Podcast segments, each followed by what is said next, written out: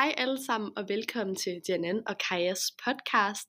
I dag skal vi snakke lidt om korstog og kulturmøder i middelalderen, hvor vi skal snakke lidt om, hvilken rolle øh, religion spillede, og hvad der ligesom lå til grund for de her korstog, og sidst men ikke mindst, hvad vi kan bruge de her korstog til i nutiden. Så det bliver mega spændende, så øh, glæder jeg til det. Så hvis vi starter med at kigge på, hvilken rolle spillede religionen i den her periode, og det var altså sådan, at religionen havde en ret stor betydning i middelalderen. Det var nemlig en kæmpe del af menneskets identitet, øh, hvilket også medførte, at man ligesom vil gøre alt for ens egen religion. Og i forhold til islam og kristendommen, så var det to meget store religioner. Det var ligesom de mest førende religioner i den her tid. Øhm, og der har været rigtig mange sammenhæng og ligheder mellem islam og kristendommen, da begge religioner var opbygget af en dualistisk tankegang, som betyder, at man har det her den her tanke om, at det enten er os eller dem, hvilket altså betyder, at dem, som er en del af religionen, har til opgave at udbrede den her religion til resten af samfundet. Og det betyder altså, at både kristendom og islam prøver at opnå den største ekspansion som muligt. Derudover så mente man ved disse to religioner, at ens egen religion var den eneste rigtige. Og det vil altså sige, at hvis man var kristen, så mente man, at kristendommen var den eneste rigtige, og hvis man var muslim, så mente man, at islam var den eneste rigtige.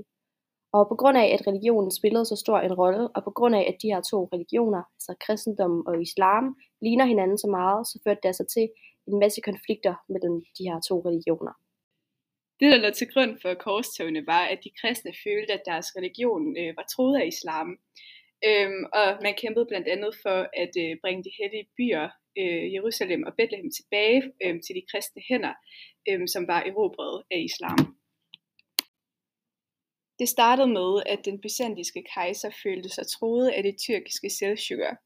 Han bad den, de kristne i Vesteuropa om hjælp, hvilket så blev indledningen til korstogene. Øh, paven Urban den anden imødekom så den byzantinske kejsers anmodning ved at opfordre til korstog øh, i forbindelse med et kirkemøde. Øhm, og han opfordrede så de kristne til at opgive alle de interne fejder og i stedet forene deres kræfter om at forsvare den troede kristenhed i øst. Øhm, den her opfordring kan også ses som et forsøg på at skabe fred i Vesteuropa. Øh, mange feudalfyrster lå i stadig indbyrdes fejder, og yngre sønner af riddere, som ikke kunne arve faderens len, søgte at vinde jord, rigdom og position som krigere, øhm, og i nogle tilfælde som simple legesoldater. Med korstogene åbnede der sig nu en mulighed for at rette denne krigeriske aktivitet udad, øh, og på en gang skabe mere fred i kristendommen, og samtidig slå muslimerne tilbage. Og nu skal vi til at snakke lidt om, hvad vi kan lære af de her korstog, og hvorfor det er værd at kende til korstogene i nutiden. For det er sådan, at korstogene faktisk er stadigvæk øh, meget aktuelle her i nutiden. Det er nemlig sådan, når fundamentalistiske muslimske bevægelser taler om amerikansk ledede militære interventioner i Afghanistan og Iran, så bruger man ofte ordet korstog, som altså har ledet tilbage til middelalderens religiøst begrundede ekspeditioner.